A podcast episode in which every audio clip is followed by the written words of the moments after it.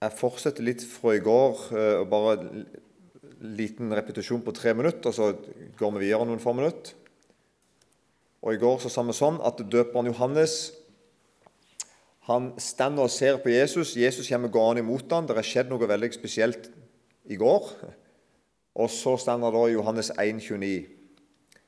Dagen etter ser han Jesus komme til seg og sier, Se, der Guds lam, som bærer bort verdens synd. Det er den store oppdagelsen. Jesus Kristus bærer bort dine synder på sin rygg.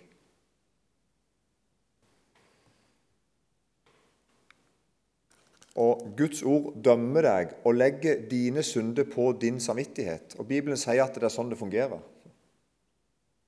Det er ikke galt av Gud å gjøre sånn. Guds ord er helt tydelig på det at den skyldige må ta ansvaret. Den skyldige må ta konsekvensene, ta straffen. Gud er rett til å gjøre det. Han er Gud. Og så er altså døperen Johannes oppdaga en hemmelighet. Og Det er egentlig rart ord at det er en hemmelighet, men det er en hemmelighet. Det er ikke en hemmelighet som i at ikke Gud ønsker å fortelle den til deg, men det er en hemmelighet som i at det er veldig vanskelig for deg å se det. Så det må åpenbares av Den hellige ånd. Og plutselig så, mange, mange, kan fortelle om det at jeg, jeg, hadde hørt det mange ganger før, men plutselig en dag eller plutselig en situasjon eller, ikke sant, så så jeg det. Sånn var det for døperen Johannes òg. Plutselig så han det. Se der er Guds lam som bærer bort verdens synd. Altså dine synder kan ligge på Guds lam. Dine synder kan ligge på Guds lam.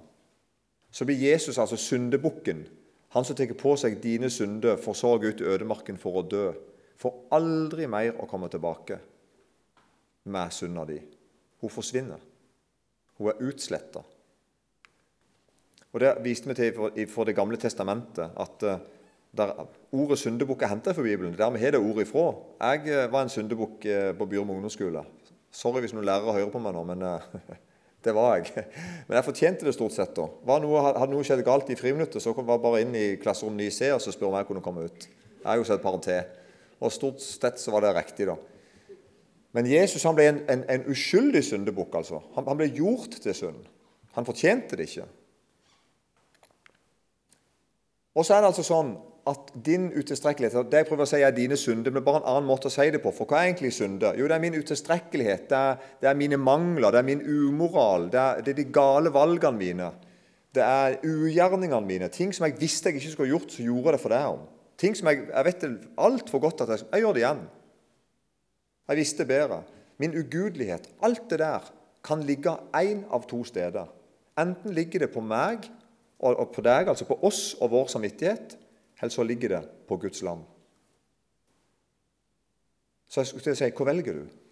Hvis du kunne velge, vil du ha dine synder og, din, og, og, og skylda for det og dommen over det, vil du ha det på deg og din samvittighet? Eller vil du legge det på Guds lam?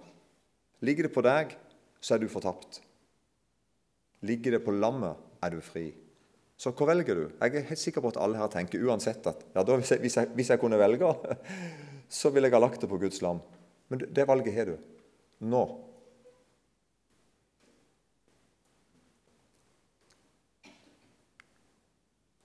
Og så forteller Gud dere dette her på en veldig sånn pedagogisk måte. Han, han, han, han viser det ikke sant, Fra Israels historie så viser Gud hvordan han handler, hvordan han er. Han, forkynner det gjennom et jødefolk og gjennom Bibelen, og han roper det ut gjennom Jesus Kristus. At lammet det er, et, det er et uskyldig lam som døde i mitt sted. Og lam har alltid vært hos Gud. Det uskyldige lammet som blir en soning for dine synder.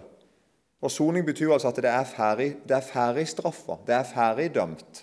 Det er ikke noe mer igjen. Det er sona. Lammet har alltid vært der. Og Da er jeg altså fri til å leve hellig. Jeg er ikke fri til å leve i synd. Jeg er fri til å leve hellig. Nå kan jeg for første gang liksom gjøre gode gjerninger. Før når jeg gjorde gjerninger, så ble det ikke gode, det ble lovgjerninger. Jeg gjorde det for om mulig at Gud skulle bli litt glad i meg, eller at han kunne høre bønnen min litt. ikke sant? Men nå, når jeg er elska av Gud og jeg har samfunn med Gud, så kan jeg gjøre gode gjerninger. Der jeg bare gjør noe som er godt mot deg, uten å tenke at og så ble Gud litt mer glad i meg. Nei, nei, nei. Gud er fullkomment, aldeles fornøyd med meg pga. sin sønn Jesus Kristus. Så jeg er fri til å leve hellig. Se det lammet der, da. For nå, nå, nå slår jeg om takten litt her. Og så sier jeg et lam. Et lam, altså. Jesus som er Guds lam. Noe så lite uskyldig. Sånn kan Gud være, tenker noen. Et lam som jeg kan ha i hagen min hvis jeg vil. Som jeg kan kontrollere. Som ikke utfordrer meg. Ikke ei løve.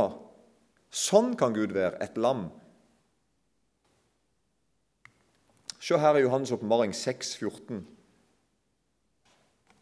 Vi glemmer litt sammenhengen det står i. Jeg er egentlig bare ute etter ett poeng her, og det står i det, vers 16 og 17, egentlig. Men bare for å ta med litt bakgrunn, da, så, så sier Johannes sånn Og himmelen vek bort, liksom en bokrull som ruller sammen.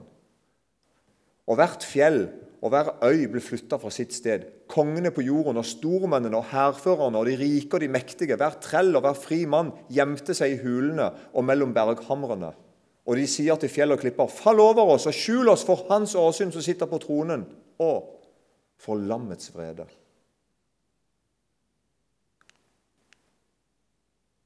Rart.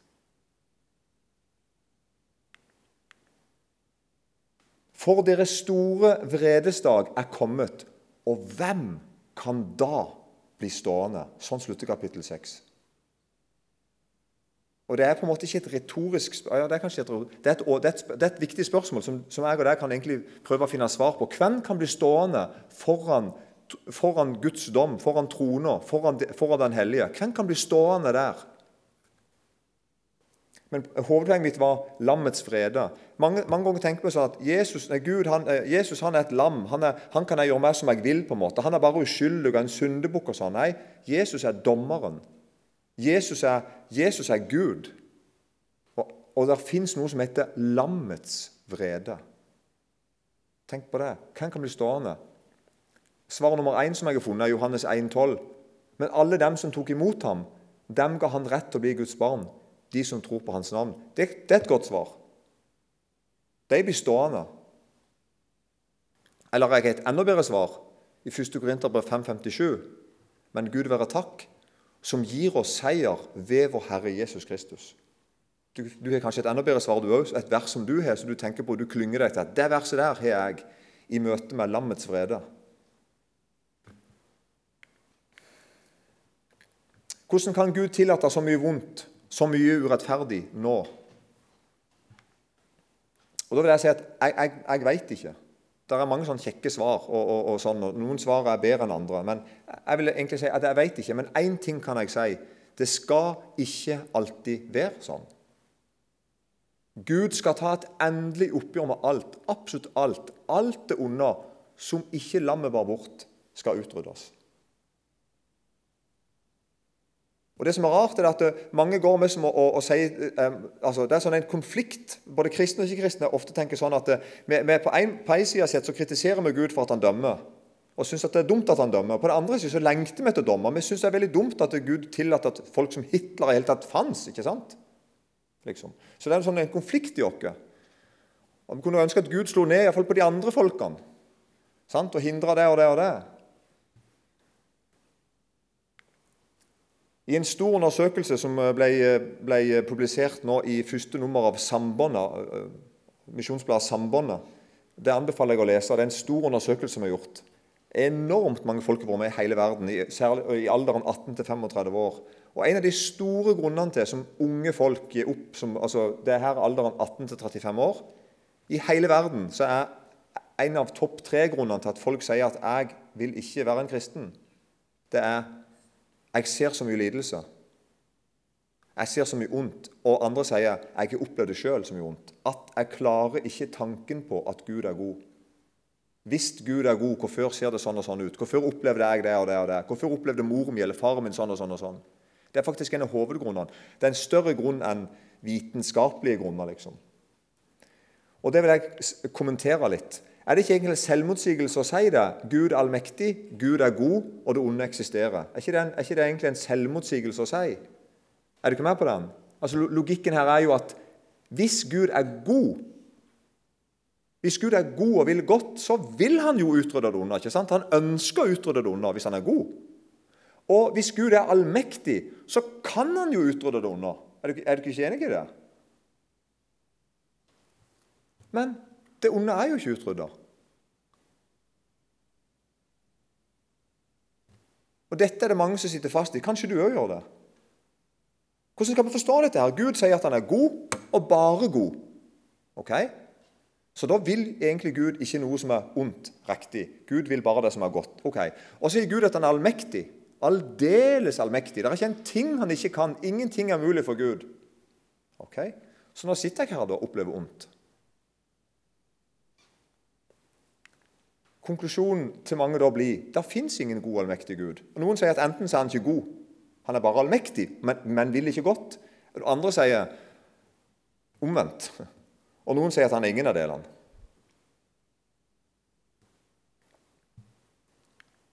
Svaret er at hvis Gud er god, så vil han utrydde det onde. Og hvis Gud er allmektig, så kan han utrydde det onde.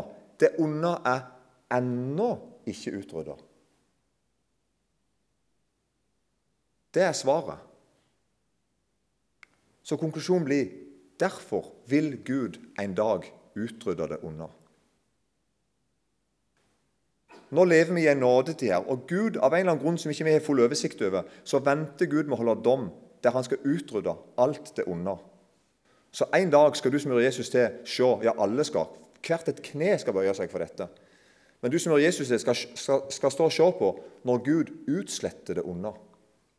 Sånn at det ikke fins mer.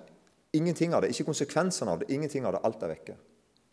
Og det er håpet ditt når du sitter nå og opplever vondt. For mange her opplever vondt, det er jeg helt sikker på.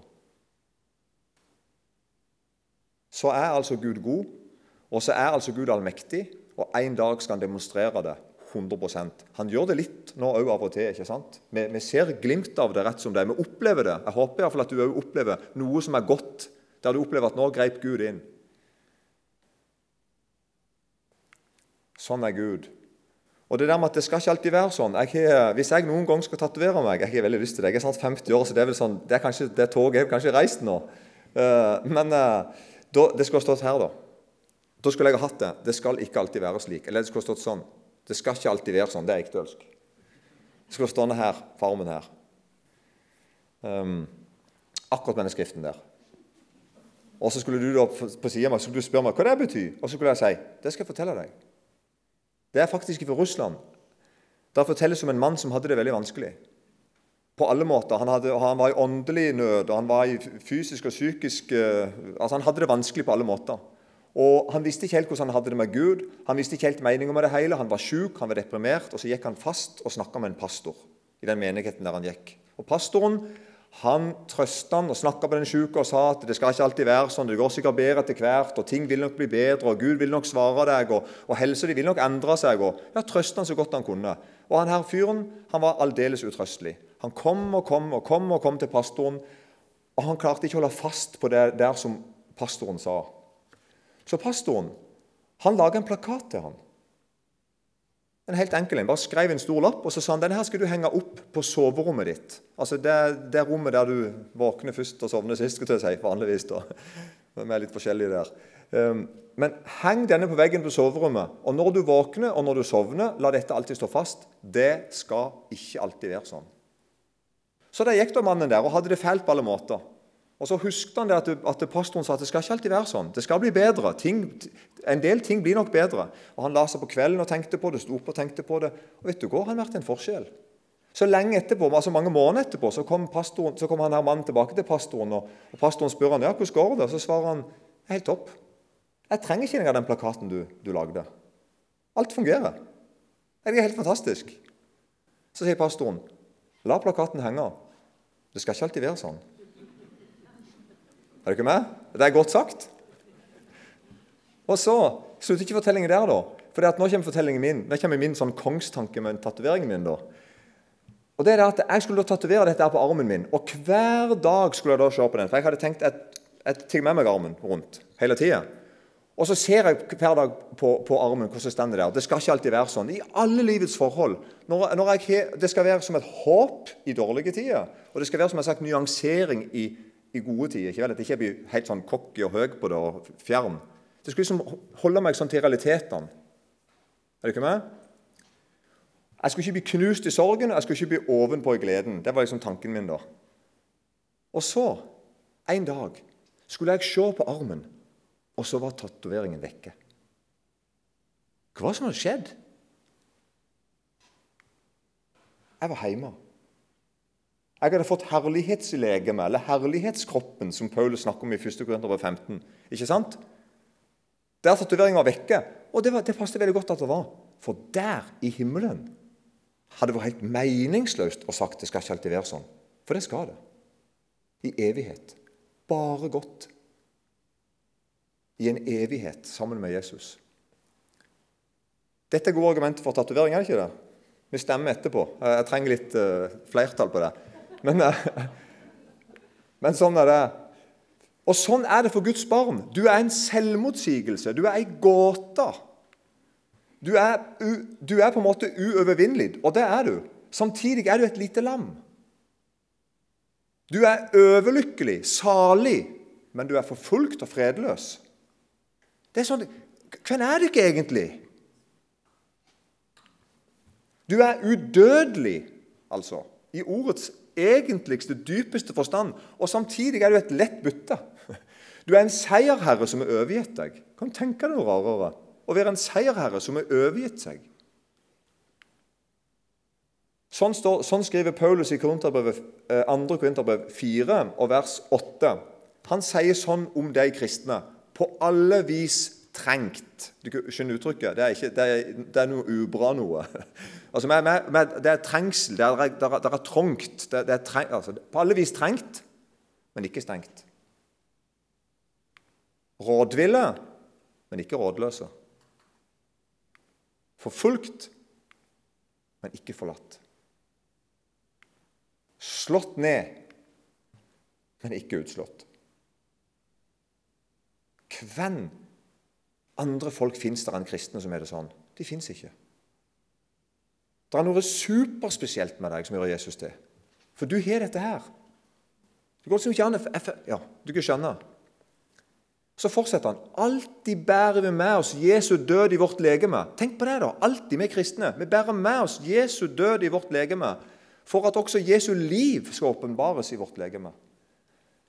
For mens vi ennå lever, for ennå mens vi lever, blir vi stadig overgitt til døden for Jesus skyld, for at også Jesu liv skal åpenbares i vårt dødelige kjød. Det er svære ting. Vi går og bærer på liv og død. Litt senere, i vers 16. Derfor mister vi ikke motet, og selv om vårt ytre menneske går til grunne, så fornyes vårt indre dag for dag. For en uknuselig tanke å ha. Å ja, du ikke syns jeg begynner å bli litt gammel og sliten? Ja ok. Men inni meg fornyes seg hver dag. Jeg blir nyere og nyere for hver dag inni meg. Og så kommer det i vers 17. For vår trengsel er kortvarig og lett. Sånn føles ikke når jeg sitter her nede. En, en tirsdag er ganske lang, for ikke snakk om et år. Men det er klart når jeg vender meg oppover og ser inn i evigheten, så skjønner jeg litt mer at ok, vår trengsel er kortere og lett og virker for oss en får oss en evig fylde av herlighet i overmål på overmål. For vi har ikke det synlige for øyet, men det usynlige. For det synlige varer en kort stund, men det usynlige er evig. Og Derfor er det sånn at Jesu Kristi venner de ligner Kristus. og De er ikke som andre. Og Grunnen er denne, en spenning, en slags motsetning hos alle kristne. Og Paulus har altså sett noen ord på det nå, som akkurat nå las. Og Det egentlige ordet på det er Kristus sjøl. Det er Kristus som gjør hele forskjellen. Er dere da oppreist med Kristus, så søk det som er der oppe, Kolosserbrevet 3,1, der Kristus sitter ved Guds høyre hånd. La deres sinn være vendt mot det som er der oppe, ikke mot det som er på jorden. Dere er jo døde, og deres liv er skjult med Kristus i Gud. Når Kristus, vårt liv, åpenbares, da skal også dere åpenbares som ham i herlighet. Så død da deres jordiske lemmer, utukt, urenhet, syndig lidenskap, ond lyst og pengegriskhet som avgudsdyrkelse. Liv og død vandrer i sammen hos Jesus og hans sine venner, og bare hos deg. Og Da skal jeg si noe litt sånn rart til slutt. Og det er det at ingen andre mennesker bærer på denne kontrasten. Det er bare du og meg som hører Jesus til. Og du som hører Jesus til, kjenner egentlig ikke på en indre harmoni så ofte. Egentlig aldri. Vi en, når, vi kjenner, når en kristen kjenner på en ro og fred, for det gjør vi rett som det, da er det at Jesus står der og sier 'fred'. Er du ikke med på den?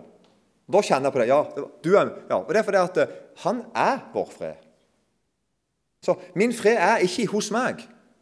Jeg har en fred som er stabil og som er utenfor meg sjøl, og det er faktisk Jesus Kristus sjøl. Men nå, i Kristus Jesus, er dere som før var langt borte, kommet nær til ved Kristi blod. For han er vår fred.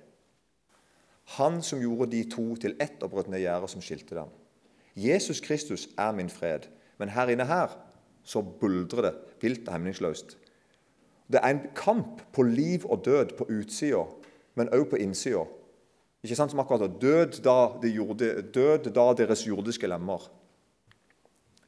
Derfor har jeg skrevet her at det, det fins ikke mange som har mindre indre harmoni enn Jesu venner. Og så har jeg skrevet her at en, halv, en, sek, en sekulær, altså en ikke-kristen, uh, halvreligiøs, gjennomsnittlig nordmann Det var ikke stygt meint, men bare sånn. Altså en, en helt vanlig nordmann. Sånn som feirer litt jul eller påske eller sånn. og er Helt vanlig, helt gjennomsnittlig norsk fyr. Fin fyr. Han har en stor indre ro og harmoni. Norge skårer kjempehøyt på lykkefølelse og hvordan vi føler vi har det osv. Det handler om at vi, vi har det veldig godt. Altså, Nordmenn flest har det veldig godt på mange måter. Vi lever i et godt land med stor trygghet. Og vi tenker lite på ikke-materielle saker. Det, det, det, er veldig få ting som slipper inn. Vi har annet å gjøre. Og vi slipper å forholde oss, og særlig hvis vi slipper å forholde oss til kristne. For det at En del ikke-kristne nordmenn syns det er veldig ubehagelig å møte kristne. Men hvis de holder seg litt under dem, så har en vanlig, gjennomsnittlig nordmann det fint. Det er kanskje bare én gruppe mennesker som er mindre indre harmoni enn sånne som meg. Og det er de som har blitt urolig av noe for Gud. Altså, Når en ikke-kristen møter Gud, og, begynner, og Gud begynner å få taket på en ikke-kristen, han tror jeg kanskje har det verre enn meg. For han vet ikke helt hva han skal, hva han skal gjøre med det engang. Han, han blir hengende mellom ja, Jeg skrev her at det er den som blir urolig av noe fra Gud, men som ikke kjenner han eller svaret han kan gi. Da får du egentlig det verste for to verdener. En uro her i livet, og samtidig på en måte et, det er ukjent. Jeg vet ikke hva jeg skal gjøre med det når jeg møter Gud. Og Jeg vil da si til slutt at jeg ber spesielt for deg, du som er det vanskelig. Og særlig du som har, et møte med Gud akkurat nå for tida. Du har, begynt å forstå at Gud fins. Og, han, og, han, og enda, enda, mer interessant han vet at du fins. og så begynner det plutselig å angå deg noen ting som kanskje ikke har angått deg sånn før. Jeg forstender deg. Jeg fikk heller ikke ro før jeg møtte han som kjenner alt det der ukjente. Jesus har gått foran, seg i Bibelen, og vi kan komme etter. Kjære Jesus, jeg takker deg for den roen og den freden som du kan gi. Og så takker jeg deg for den uroen og den ufreden som du gir. Jeg ber om at ikke vi må finne ro i våre synder og finne ro i vårt ugudelige liv eller overfladiske liv. Og så ber vi nå spesielt for de som kjenner på en uro i møte med deg, men som ikke kjenner deg. Jeg ber deg om at du må vise deg for dem. Vis hvem du er. Amen.